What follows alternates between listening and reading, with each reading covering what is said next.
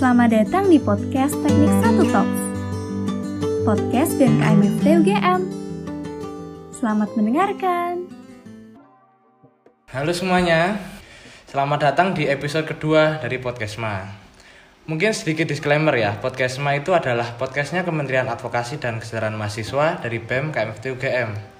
Podcast kita ini merupakan salah satu bagian dari podcast Teknik Satu Talks. Jadi sekarang sabi banget nih kalau mau bicarain soal kemahasiswaan di sini.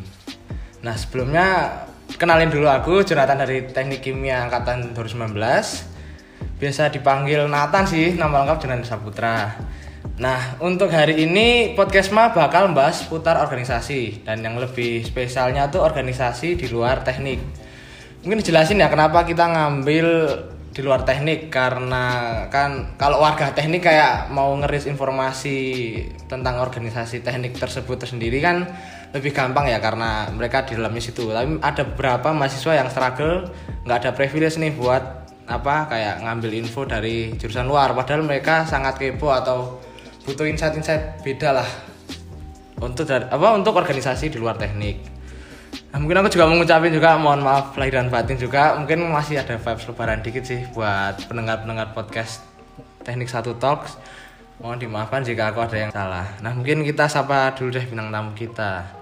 Halo Mbak, siapa dan di mana? Oke, halo teman-teman semua. Uh, kenali nama aku Victoria Ingrid Natania, biasa dipanggil Vicky atau dipanggil Ingrid juga boleh, terserah sebenarnya. Aku dari FEB, tepatnya jurusan Ilmu Ekonomi angkatan 2019. Salam kenal semuanya. Enaknya apa? lebih PW dipanggil apa nih? Hmm, sama aja sih sebenarnya sebenarnya apa menurut Mbak Ingrid tuh panggilnya Mbak pakai Mbak Ingrid aja. Mungkin menurut Ingrid tuh arti kuliah menurutmu apa? Mungkin jangan secara harfiah ya kuliah berarti mendapatkan titel S1 tapi kayak makna yang kamu kayak dengar kuliah bagimu tuh apa gitu? Oke, menurutku kalau menurutku pribadi sih kuliah itu tuh adalah hmm, bisa dibilang last chance kita buat bikin salah gitu. Karena uh, ya namanya orang masih belajar gitu kan. Uh, buat aku kuliah itu tuh kesempatan kita buat belajar apa pun yang masih kita mau tanpa kita harus ngerelain sesuatu gitu. I mean di sini ngerelain sesuatu kalau kita udah kerja besok uh, ketika kita mau belajar lanjut nih misalkan S2 mau nggak mau kan berarti kita biasanya nih berhenti kerja harus berhenti kerja dulu kita harus merelakan uh, buat nggak dapat pendapatan uh, jadi kalau menurutku sih ya ini kesempatan kita lah buat uh, belajar semau kita seluas kita. Mau bikin salah sebanyak apa pun masih nggak apa-apa gitu masih dimaklumi lah kayak gitu. Oh, oke oke paham. Oke mungkin tadi kan udah ngomongin soal kerja ya. Nah kerja itu kalau menurut mbak Ingrid kayak organisasi itu ngaruh nggak buat ke dunia kerja menurut Ingrid? Hmm, menurutku sih ya tetap mau nggak mau tetap ngaruh sih. Implicitly atau explicitly itu tetap bakal ngaruh. Karena mungkin kalau teman-teman sekarang uh, banyak nih perdebatan organisasi itu nggak penting yang penting kamu dapat magang gitu. Well iya benar uh, buat dapat kerja itu magang itu salah satu faktor yang diperhatiin banget. Tapi at the first place uh, yang sering aku lihat gitu teman-temanku yang magang yang dapat bisa dapat magang itu adalah teman-teman yang mereka punya pengalaman di organisasi juga gitu. Jadi ya mau nggak mau kita harus punya pengalaman organisasi dulu baru kita bisa punya magang lalu bisa dapat kerja yang kita pengenin gitu. Karena uh, mungkin apa ya kalau organisasi itu kan kita istilahnya belajar kerja bareng orang lah. Kalau uh, di kerjaan pun kan kita juga nggak bisa milih nih kita kerja sama siapa kita bakal dapat bos yang baik apa enggak kayak gitu kan. Dan menurutku hal-hal kecil kayak gini yang bisa kita pelajari lebih dulu lah kita ambil uh, start duluan gitu dengan kita belajar di organisasi. Kayak gitu sih Iya, sepakat sih. Emang kadang ada beberapa orang yang mikir kayak sifat bawaan ngapain ikut. Itu kan kayak misalnya organisasi bisa merubah orang, ada beberapa yang nggak percaya itu kan. Nah ternyata emang organisasi nggak secara eh secara tidak langsung tadi secara implisit kayak ternyata merubah etos kerja seorang ataupun iklim kerja seorang gitu menjadi lebih baik ya. Oke, nice nice insight. Mungkin kalau Mbak Ingrid sendiri ikutnya apa ini? Apa aja? Kayaknya banyak banget nih. kalau sementara ini ya sebenarnya um, organisasiku itu yang aku sekarang ikutin itu ada empat. Empat ya empat Uh, yang pertama itu aku di BEM FEB UGM, uh, aku menjabat sebagai kepala bidang uh, eksternal, jadi aku membawa dua departemen gitu. Terus selain itu aku juga ada di uh, Sabri, Sabri itu uh, Student Association of Belt and Road Initiative, itu organisasi di skala UGM gitu. Jadi isinya memang lebih diverse gitu, lebih banyak orangnya uh, yang dari luar FEB, biasanya sih anak visipol sih. Uh, di situ aku jadi head of uh, programs and event. Abis itu aku juga ada di UGM MUN Community. Aku sebagai vice-nya uh, program divisi program. Dan yang terakhir ini sebenarnya organisasi tapi lebih ke volunteer gitu sih karena uh, organisasi yang terakhir adalah 180 Degrees Consulting. Itu organisasi consulting yang diadakan uh, bukan bukan diadakan sih, yang konsultannya isinya mahasiswa semua. Uh, di situ aku sebagai project analis ya kayak gitu. Mantep gila. Empat empat pun kayaknya jabatannya krusial semua gila mantep memang Ingrid ini. Nah mungkin kita dari BMFEB dulu. Kepala bidang tuh mungkin aku udah lihat apa kayak lihat dulu ya riset dulu ya kayak kepala bidang itu bisa dibilang berarti apa? Kayak menko-nya teknik mungkin ya. Kalau di sana berarti ada. Kalau eh, kamu kan kepala bidang membawahi departemen. Departemennya itu apa apa aja berarti eksternal? Departemennya itu ada media dan informasi sama hubungan diplomasi eksternal. Mungkin kalau di teman-teman BEM yang lain diplomasi eksternal tuh lebih kayak humas gitu sih. Kalau di sana aku juga ini ya kayak informasi kayak ketua BEM-nya angkatan 2019 ya kalau nggak salah. Apa 18 iya jadi kalau di FEB itu sebenarnya nggak cuma BEM-nya sih hampir semua HMJLK event-eventnya juga pasti uh, yang mengetuai itu tuh teman-teman dari angkatan tahun kedua gitu. Jadi biasanya uh, kami itu mulai menjabat itu di tahun kedua. Jadi memang semuanya di tahun kedua terus teman-teman uh, kakak tingkat yang di tahun ketiga gitu memang biasanya udah fokus buat magang atau biasanya ya biasanya fokus magang sih mereka fokus magang atau fokus akademik mulai KKN gitu-gitu biasanya. Berarti itu emang sebuah kultur atau ada maksimal emang aturan regulasi yang harus maksimal 2019 tuh kalau di teknik sendiri kan lumayan tua-tua ya ketua BEM. Sekarang aja 2000 ya nggak tahu kat, kat, uh, beda setahun sih 2018 tapi kayak masih yang megang tuh tua-tua gitu kayak bahkan KMHM ya kayak keluarga Hima gitu ada yang megang angkatan terakhir gitu. Nah kalau di BEM sendiri eh, eh di BEM di FEB sendiri berarti emang kultur itu emang sebuah kultur yang kalau emang 18 17 mau ikut ya nggak apa-apa atau emang udah maksimalnya 19 gitu. Memang maksimalnya 19 sih, hampir-hampir semuanya bukan hampir semuanya sih emang semuanya setahu aku uh, eh, HMJLK uh, mau kamu yang himpunan jurusan ataupun organisasi-organisasi lainnya itu semuanya diketuai sama anak 19 kalau sekarang. Berarti tetap tahun kedua gitu lumayan beda ya kulturnya. Nah kamu sendiri berarti lebih cocok yang mana? Dipimpin oleh yang lebih tua, berarti yang otomatis lebih berpengalaman ya, atau yang lebih muda, berarti satu sisi dia lebih energetik dan lebih less hektik gitu ya.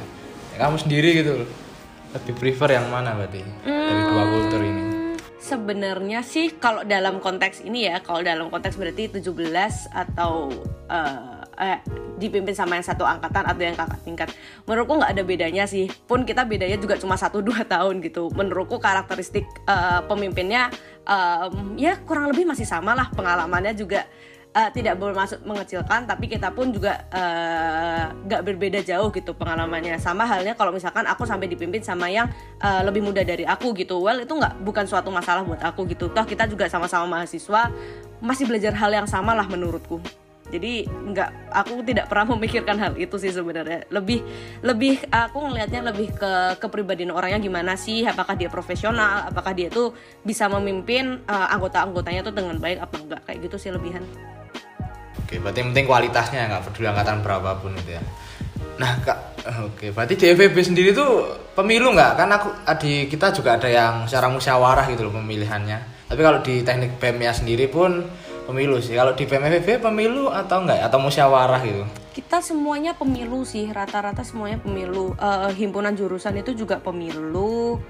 Uh, kalau kalau organisasi lainnya sih aku kurang tahu ya. Cuman kalau aku uh, organisasi keagamaan itu ada yang voting juga, ada yang hmm, yang lainnya aku nggak tahu sih kayak juga ada yang musyawarah cuman kalau kebanyakan uh, setahu aku lewat pemilu wah biasanya dibarengin sama ini kok yang dari KM oh oke okay, oke okay. berarti ya kurang lebih sama ya berarti Eh, kalau di BEM FIB sendiri kan yang kalau punya aku ya yang Menko Menko gitu kan dipilih emang secara ketua BEM-nya. Eh Menko mungkin kayak kepala bidang ya di kamu ya. Terus yang menteri-menteri sendiri itu lewat bidding. Nah, kalau di kamu sendiri lewat bidding semua atau dipilih semua atau gimana? Kalau kita eh, di sini kepala bidang eh, bukan. Jadi ketua BEM itu tuh dia biasanya milih sekjen dan eh, wakilnya. Sebenarnya itu kembali ke keputusannya kepala bidangnya eh ke- kembali ke keputusannya ketua BEM-nya. Entahkah dia mau menyerahkan ke forum, mau musyawarah atau dia mau eh, milih langsung gitu. Cuman kalau di tahunku kemarin, kemarin kita eh, kepala bidang itu lewat musyawarah, ketua BEM-nya cuma milih wakil sama sekjennya. Jadi eh, kita kembalikan ke forum, biasanya kita eh, forumnya itu isinya anak-anak eh, yang tahun itu mulai menjabat gitu ya, mulai jadi eh, ketua BEM-nya, mulai jadi apa kepala-kepala departemennya kayak gitu sih. Jadi eh, terserah forum eh, mau siapa yang dijadikan kepala bidang gitu. Biasanya eh, ketua BEM-nya mulai dengan mengajukan nama, tapi kalau misalkan ada teman-teman dari forum yang mau mengajukan nama lain atau menolak gitu namanya juga masih boleh gitu sih. Oke, berarti mostly musyawarah ya berarti kalau di situ ya. Iya. Em, tadi mungkin yang lanjut ke selanjutnya ya, berarti yang Sabri itu. Itu kan lumayan awam bagi anak teknik kayaknya. Itu apa?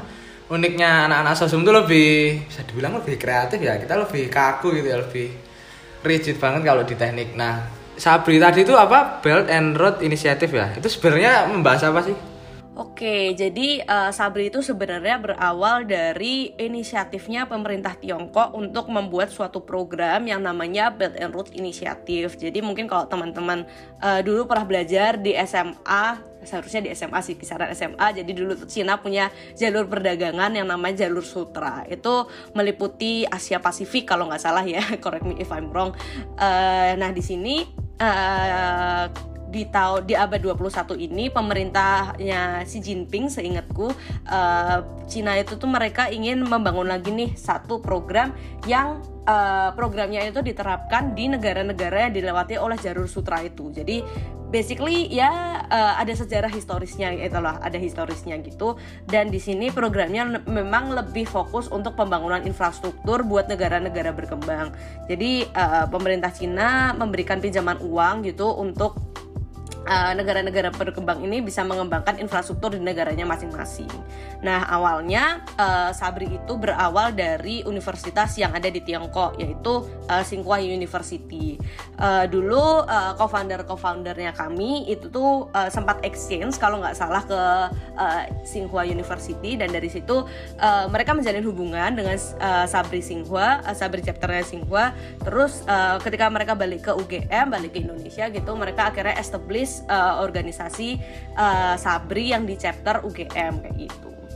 Oke, ber- berarti sebenarnya kalian tuh lebih sabri ya, lebih kayak mengawal atau gimana? Atau sekedar ya ikut andil aja aktif untuk biar teredukasi gitu loh, ma apa masyarakat Indonesia atau ada tujuan tersendiri sebenarnya didirikannya sabri khususnya di UGM ya? Hmm, sebenarnya lebih kayak think tank gitu sih. Think tank itu kan lebih kayak uh, organisasi research gitu ya. Jadi kita banyak mengkaji tentang uh, kebijakan-kebijakannya pemerintah Cina yang uh, berhubungan atau memang uh, tentang programnya si Belt and Road ini sendiri gitu. Jadi uh, mungkin kalau teman-teman tahu kemarin uh, sekitar tahun tahun lalu kayaknya kalau nggak salah itu ada kebijakan RCEP itu kita juga eh, apa namanya kita ngelakuin kajian tentang hal itu kayak gitu sih atau misalkan kita eh, kemarin eh, dulu tuh sempat ada Bau Forum kalau nggak salah itu semacam kayak konferensinya yang ngebahas tentang eh, Cina hubungan Cina bilateral Cina kayak gitu.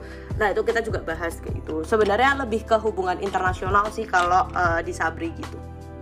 Oke, berarti kayak ya di satu sisi juga ngembangin buat kita ya lebih kritis dan sebagainya. Berarti ya ya itu sih. Aku nggak eh, nggak habis pikir aku anak teknik gitu kayak anak sosum tuh bisa kreatif gitu. Kayak tadi ada Sabri kalau kita kan kayak manut-manut ya ada BEM ada KM doang. Terus paling ya tim-tim teknis gitu tim-tim teknis yang balapan bimsak gitu sih. Gila sih emang sosum bentar. Itu ada pusatnya nggak? Mungkin kayak kalau yang pertama kali berdiri Sabri itu siapa? UGM atau Ah, enggak, yang pertama Eh, kali yang bukan yang di itu Indonesia, yang, yang di yang tadi bukan. itu yang di Tiongkok itu. Kalau di Indonesia setauku memang baru ada di UGM sih eh, Sabri ini. Wih, gila, inisiator banget, pionir. Oke.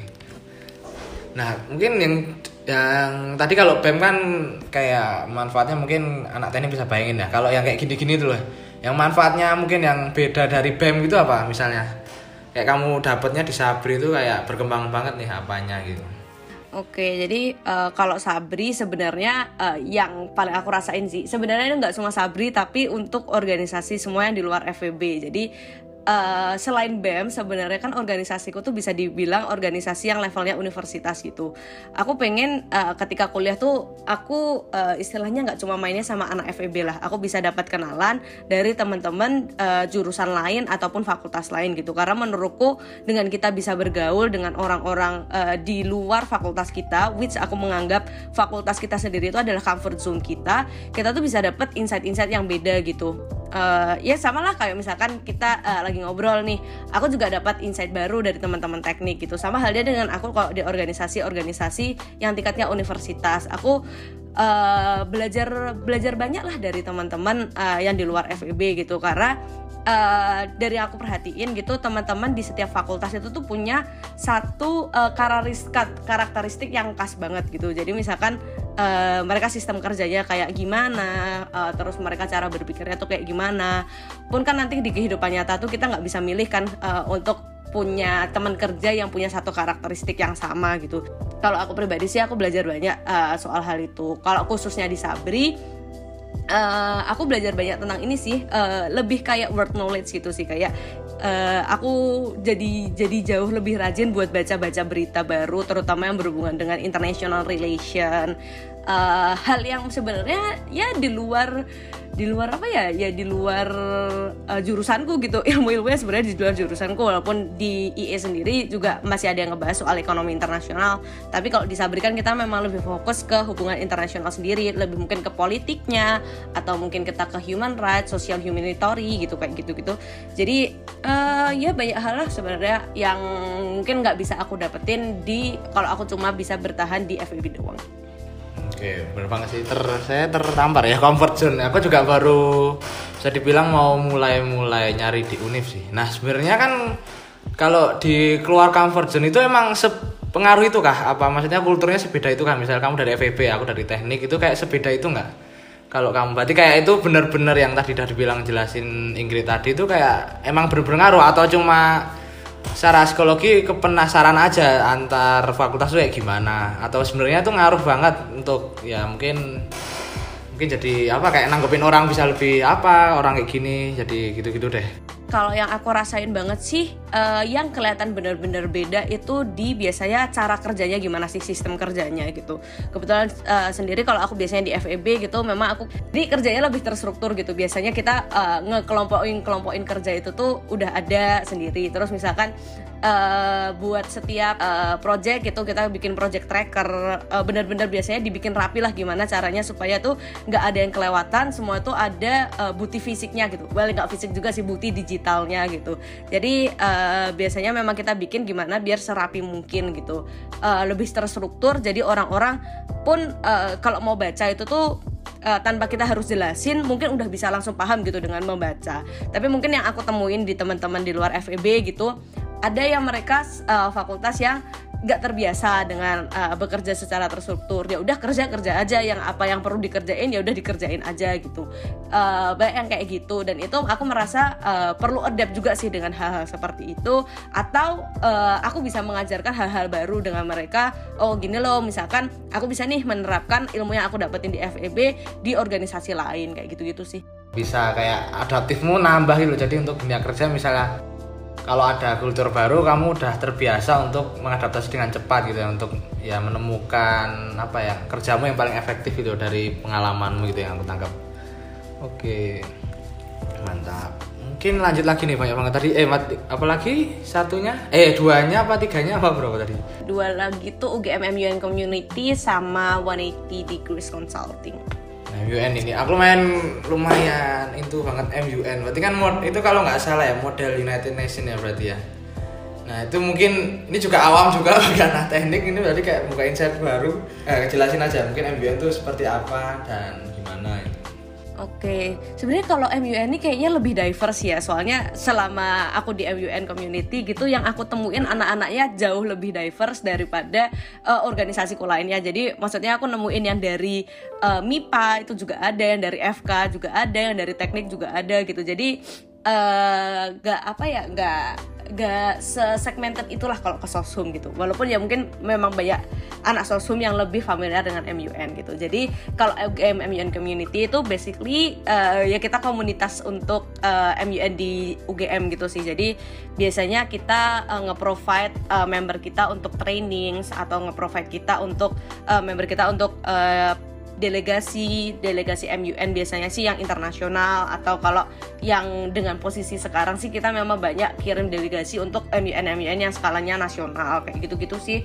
basically sebenarnya uh, komunitas untuk mengembangkan skill MUN-nya teman-teman member kita kayak gitu sih Eh, maksudnya kalau di, di spesifikin berarti kegiatannya apa tadi kak? Maksudnya kayak ada kegiatan rutin atau sebatas komunitas kayak Sabri mungkin tadi ya?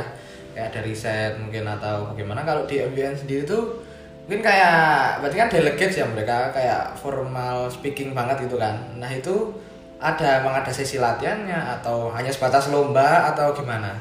Mungkin yang belum paham ya aku pun belum paham gitu kan kalau kita sih memang biasanya uh, ada latihan rutin gitu. Biasanya at least dalam sebulan itu pasti ada sekali gitu. Kan uh, mungkin kalau buat gambaran teman-teman juga aja ya. Kalau MUN itu kan kita biasanya basic uh, base basicnya kan conference gitu.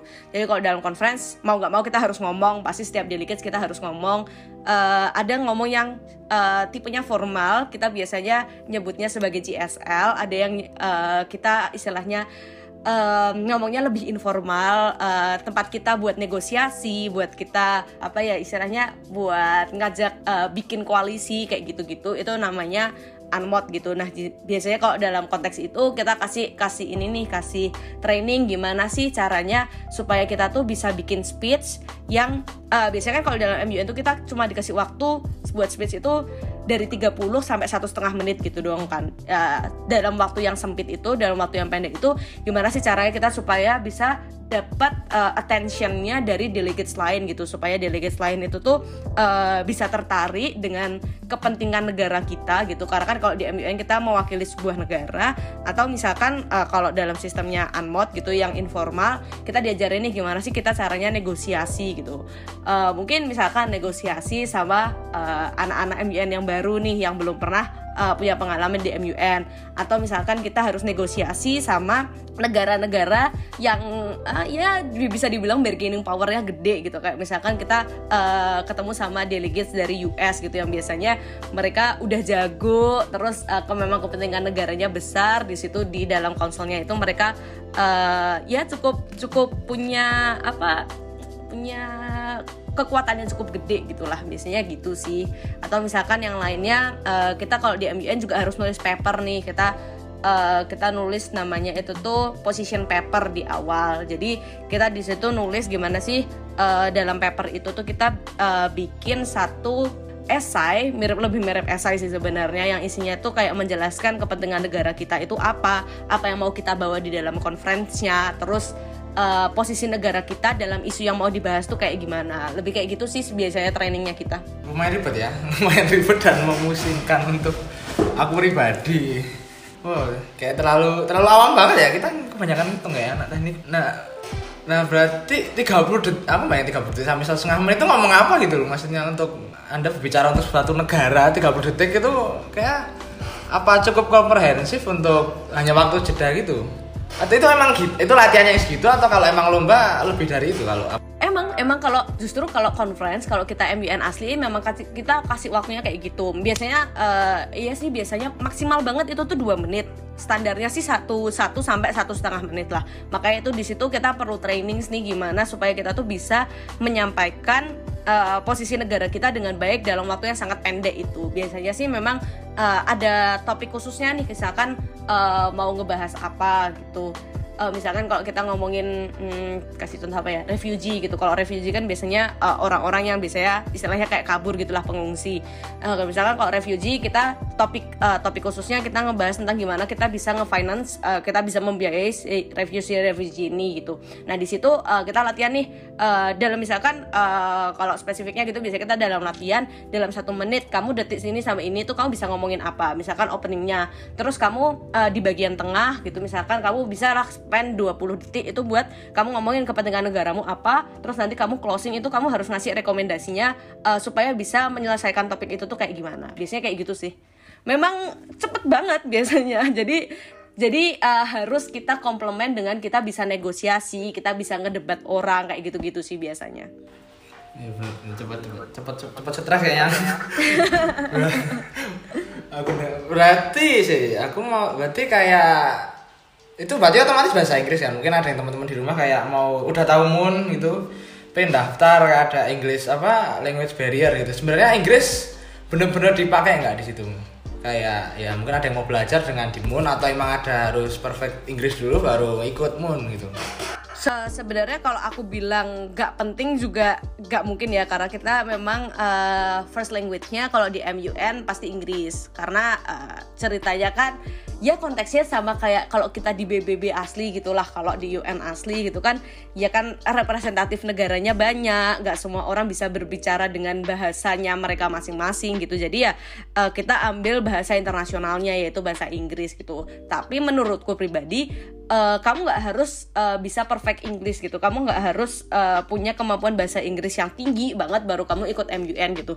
Justru sebenarnya kalau kamu pede-pede aja nih nggak masalah kok sebenarnya kalau kamu misalkan ngomong salah grammar gitu biasanya juga nggak ada yang notice. Paling kalau grammar itu diperhatiin di itu kalau uh, yang tadi aku bilang bikin paper kayak gitu gitu cuma kan kalau misalkan kita ngenulis nih uh, udah banyak lah di internet gitu bantuan-bantuan uh, untuk kita ngecek grammar kita apakah bener atau enggak atau misalkan milih vocab yang bagus itu kayak gimana biasanya kayak gitu sih. Apa-apa lah yang yang masih 400 pede aja yang penting masih gak apa-apa. Yang penting yang penting pede sih. Karena karena itu kita kita kita memang harus ngomong di depan orang kan kalau uh, eh, MUN itu. Jadi asalkan pede nggak masalah.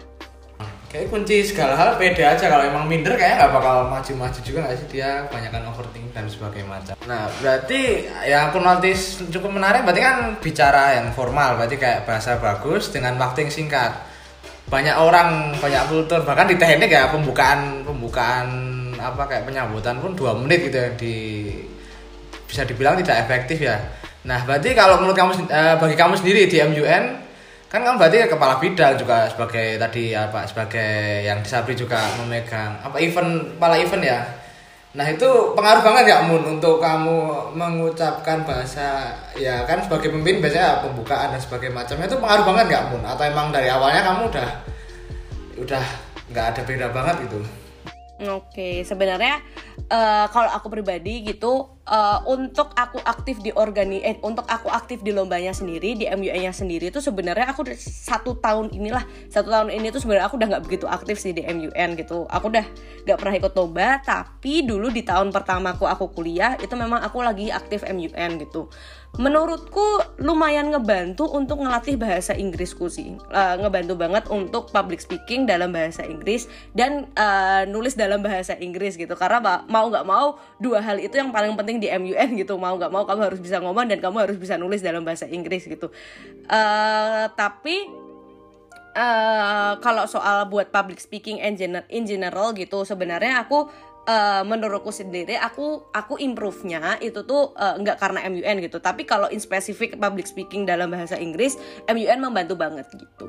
Mungkin ya lanjut ini ke yang 100 apa tadi 180 180 degrees consulting 180 derajat. Itu gimana? Itu consulting berarti gimana tuh? Jadi uh, ini tuh sebenarnya aku nggak tahu sih apakah aku bisa menyebutkan 180 itu sebagai organisasi mahasiswa. Kalau di bayangan kita kan organisasi biasanya ya kita ada prokernya gitu-gitu kan.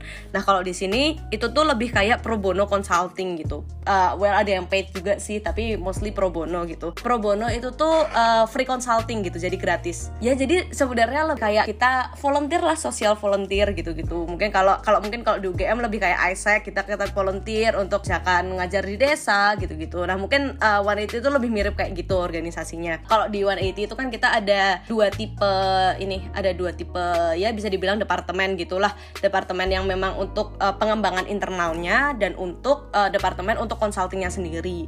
Nah aku kebetulan uh, ada di departemen yang uh, consulting gitu. Jadi di sini kita nyediain jasa consulting buat non profit organization ataupun UMKM di Indonesia gitu. Well nggak harus di Indonesia sih sebenarnya kamu mau dari luar juga bisa kalau mau minta uh, service ke 180-nya UGM. Nah kan banyak itu berarti susah sendiri nggak sih manajemen waktu gitu? Manaj ada tips sendiri nggak manajemen dari Ingrid mungkin? Oke, kalau aku sih dulu dulu aku awal gini sih. Pertama kali kan mungkin aku uh, mulai banyak menjabat, uh, banyak di organisasi inilah. Itu tuh di sekitar Desember, sekitar Desember tahun lalu gitu kan mulai mulai udah kebayang lah apa yang uh, organisasi apa aja yang bakal aku lakuin di uh, tahun 2021 ini.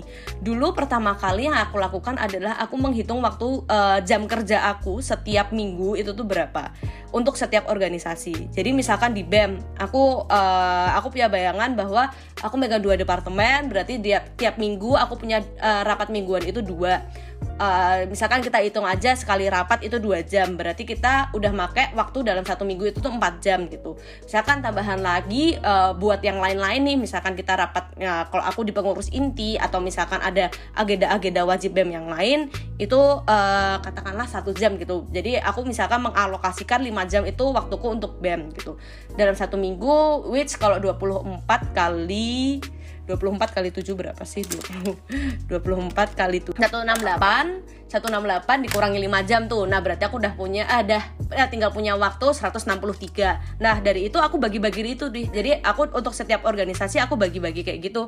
Uh, aku ngitung jam kerjaku berapa, terus nanti aku ngelihat aku punya sisa waktu berapa, aku alokasiin waktu untuk uh, belajar itu berapa, buat ngerjain tugas berapa. Terus udah aku punya free time uh, buat aku pribadi berapa. Menurutku di awal itu itu lebih untuk melihat aku gimana uh, visible nggak sih uh, untuk aku mengikuti semua organisasi ini gitu. Misalkan kalau misalkan uh, ada event pun aku juga ngitung uh, setiap rapat nih butuh berapa kali sih, eh butuh berapa jam sih dalam satu minggu.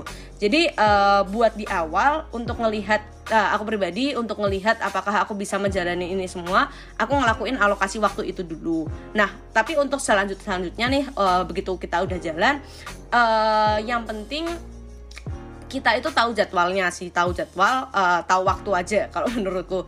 Uh, mungkin kalau uh, teman-teman uh, uh, apa ya lebih paling enak sih uh, pakai Google Calendar semacam Google Calendar atau yang lain-lainnya gitulah uh, aplikasi buat ngingetin kita waktu. Jadi uh, gak ada yang kelewatan gak ada agenda yang kelewatan. Kita tahu jam segini sampai segini kita harus ngapain jam segini sampai segini kita harus ngapain. Dan itu ya kita memang harus disiplin gitu pribadi. Kita memang harus disiplin sama waktunya itu sendiri supaya semuanya bisa ke handle kayak gitu. Oke wah memang wah gila. Terorganisir secara rapi banget ya berarti ya. Kalau kan ya aku pribadi orang juga organisir tapi organisir di kepala aja kayak hari ini apa. Kalau anda anda. Kalau kamu berarti kayak bener-bener itu juga masuk Google Calendar gitu ya sampai Google Calendar. Nah, itu berarti emang sepengaruh itu ya berarti kayak biar kamu komitmen terus gitu ya biar nggak lupa biar Berarti kalau kalau harus ada jadwal di sini nggak kayak harus hari ini harus main atau harus nongkrong dan sebagainya macamnya. Uh, iya sih kalau kalau itu biasanya aku lebih kalau buat uh, uh, apa free timeku gitu buat aku misalkan main, aku nongkrong atau misalkan ya aku cuma streamingan gitu. Aku biasanya mempertimbangkan deadline sih kalau itu lebihan. Mungkin kalau rapat kan uh, belum tentu ada deadline yang harus diselesaikan waktu rapat gitu kan. Tapi kalau deadline uh, aku pertimbangan nih kalau misalkan aku uh, sekarang nih misalkan aku sekarang nonton atau misalkan aku sekarang main gitu. Kira-kira deadlineku uh, misalkan besok kira-kira selesai nggak? Kalau misalkan nggak selesai ya either mainnya yang ditunda atau deadline-nya harus diselesain sebelum aku main. Biasanya sih kayak gitu. Itu emang pribadi kamu udah kayak pinter nata apa tanggung jawab ya? Atau emang ada gimana ya biar nahan. Kan susah ya kayak aku sendiri kayak malam ada tugas jam 12 sebenarnya tapi aku maksain nongkrong gitu yang di mana menahan godaan temen nongkrong itu susah gitu nah kalau kamu sendiri emang orangnya udah kayak gitu atau emang ada tersendiri kayak wah biar kamu cenderung deadline dulu yang tanggung jawab dulu gitu kamu ada apa gitu nggak? Maksudnya metode biar ya seperti orang-orang seperti saya nggak mau nongkrong gitu padahal ada deadline jam 12 gitu Oke, mungkin kalau aku sih sebenarnya dasarnya aku anaknya tuh uh, lebih ke ambivert gitu sih. Mungkin kalau teman-teman tahu extrovert atau introvert, nah aku nih ceritanya di tengah-tengahnya gitu. Jadi bisa dibilang aku tuh 50% extrovert, 50% introvert. Jadi aku pribadi, aku tuh nggak keberatan ketika aku disuruh main sama orang atau aku disuruh ya udah sendirian doang di rumah gitu. Nah, uh, menurutku kepribadianku itu tuh sangat membantu aku buat aku bisa nahan supaya uh, istilahnya nggak main keluar gitulah karena uh, apa ya kalau aku pribadi godaanku tuh biasanya banyaknya di teman-teman gitu. Uh, mungkin teman-teman terutama yang nggak uh, punya kerjaan sama kayak aku gitulah mungkin uh, kebetulan kalau aku sendiri teman-temanku itu teman-teman uh, teman-teman mainku gitu teman-temanku yang ya teman-teman mainku itu tuh biasanya nih bukan anak-anak di dalam uh, eh, FEB gitu. Jadi memang dia tuh uh, ya kita punya kehidupan sendiri-sendiri gitulah biasanya. Tapi kalau kita main okay. biasanya memang main bareng-bareng gitu. Nah karena itu uh, jadi memang kadang kadang ya aku nggak paham dia tuh sibuknya ngapain dia juga nggak paham aku tuh sibuknya ngapain gitu. Nah kalau itu uh, karena biasanya karena di luar aku hmm, ya udah ya udahlah aku di rumah dulu aja gitu. Karena uh, aku merasa kalau aku di rumah aku bisa bisa manage untuk uh, duduk nih duduk di meja depan laptop ya udah ngerjain apa yang memang harus dikerjain saat itu gitu. Otaknya kadang memang uh, konslet gitu kadang nggak jalan aja. Tapi dipaksain dulu aja apa yang bisa dicicil saat itu at least kamu udah ngerjain sesuatu gitu. Nah kan kalau kamu kan lumayan hektik ya maksudnya kayak lumayan banyak gitu lah lumayan dinamis banget gitu kayak kayak kamu kesel kayak misalnya kamu ya pasti orang bad mood ya bad mood tapi kamu punya tanggung jawab untuk dijalani nah kamu ada kayak apa ya cara ngilangin stres itu biar kamu tetap biar profesional. Kan kayak moody itu menghancurkan banget ya. Kamu nggak mood nggak ikut terus lepas tanggung jawab. Nah kamu ada hal preventif tersendiri nggak mungkin? Ya ini buat kawan-kawan teknik juga yang banyak yang hilang-hilangan kayak hilang-hilangan ah aku nggak mood lah. Ya nggak usah ikut nggak usah bla bla bla. Alasan apa? Cara keluarga apa gitu. Nah kalau kamu sendiri gimana? Kalau aku itu lebih ke mindset sih sebenarnya. Yang pertama pokoknya yang paling penting itu deadline apakah tanggung jawabmu itu tuh punya deadline yang deket-deket ini atau deadline yang mungkin masih agak lama lah? Kalau uh, misalkan deket-deket ini menurutku mau nggak mau kamu harus selesaiin deadlinemu itu dulu. Karena kamu at the first place kamu udah dikasih tanggung jawab uh, dan menurutku kamu dikasih tanggung jawab tuh kamu dipercaya orang gitu. Buat aku pribadi uh, kepercayaan itu adalah hal terakhir yang pengen aku rusak gitu kepercayaan dari orang. Karena aku tahu buat dapat kepercayaan buat aku ngebangun dulunya bisa biar bisa dipercaya orang itu tuh susah gitu. Aku nggak mau usahakan selama ini buat bikin orang percaya sama aku tuh ya udah hilang gitu aja gara-gara cuma aku ninggalin satu tanggung jawabku gitu.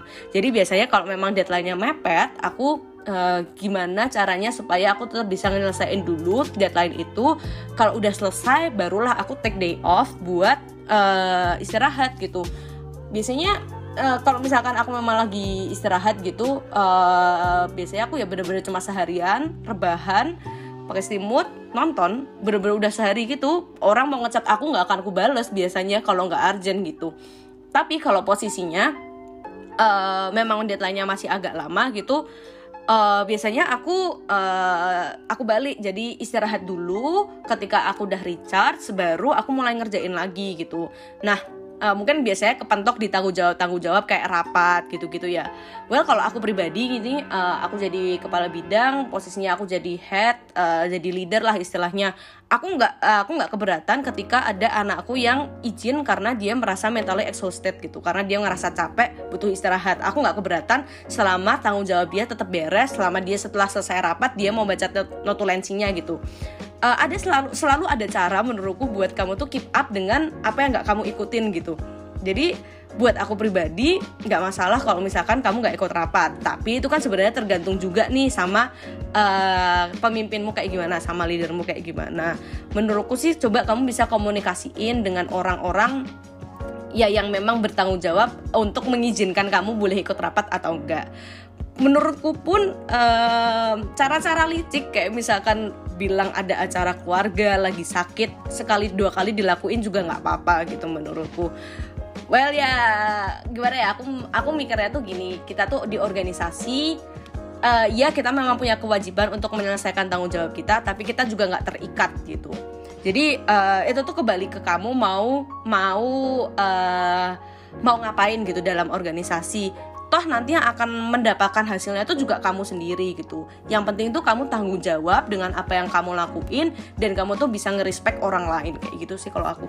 Oke sepakat. Berarti emang ya kembali ke orang tersebut ya. Berarti pengen dia menjaga reputasinya baik atau apa pun ya itu kembali ke dia. Kalau dia emang hilang-hilangan tidak profesional bisa dibilang berarti ya damage-nya ke reputasi dia yang bisa kehilangan tidak percayaan dan ya jelas kalau nggak percaya berarti kayak network mulai tertutup perlahan-perlahan gitu ya. Jadi ya lumayan susah. Untuk ya misalnya mau buat bisnis dan sebagainya. Nah berarti berarti kalau bisa disimpulkan nih organisasi itu menurut Mbak Ingrid krusial ya berarti krusial dalam apa jiwa mahasiswa gitu. Yap, cukup cukup krusial sih menurutku. Berarti ini ada mungkin buat mahasiswa umum ya, ya khusus teknik atau apa umum yang mungkin mendengar podcast ini ada sepatah kata nggak? Mungkin yang pengen dia minder tapi satu sisi dia juga juga berani gitu loh. Mau pengen maju tapi dia minder. Mungkin dia nggak punya pengalaman atau apa pun yang pengen take a step tapi ya ter apa ter, terhalang oleh ya masa lalu lah gitu. Dia kurang apa. Ada satu motivasi mungkin? Oke, jadi mungkin uh, aku ngambil sedikit cerita deh. Jadi kalau dulu di uh, dulu ya pun aku juga masih jadi kalau di IE kita punya satu matkul nih yang belajar tentang ekonomika makro. Di situ kita diajarin gimana uh, proses dalam mencari kerja. Uh, atau materinya namanya sebenarnya search and employment gitu. Di situ aku belajar bahwa uh, cari kerja itu tuh ada dua sisi gitu. Ada orang yang nyari kerja dan ada yang orang uh, yang nyari supaya posisi kerja itu tuh dipenuhi. Nah, untuk bisa dua-duanya ketemu ini, itu tuh prosesnya nggak mudah, baik dari posisi pencari kerjanya ataupun penyedia kerjanya. Ketika mereka itu bisa uh, sukses, kita itu menyebutnya sebagai successful successful match gitu. Nah, untuk mencapai successful match itu, kebutuhan dua-duanya itu tuh harus dipenuhi gitu. Menurutku itu juga sama halnya dengan organisasi kamu sebagai kamu yang mau daftar organisasi, mungkin kamu butuh untuk dapat pengalaman, kamu butuh exposure, kamu butuh kenalan. Tapi kamu juga harus merhatiin organisasi mungkin butuh apa sih sebenarnya. Karena nggak semua organisasi itu tuh punya kebutuhan yang sama gitu.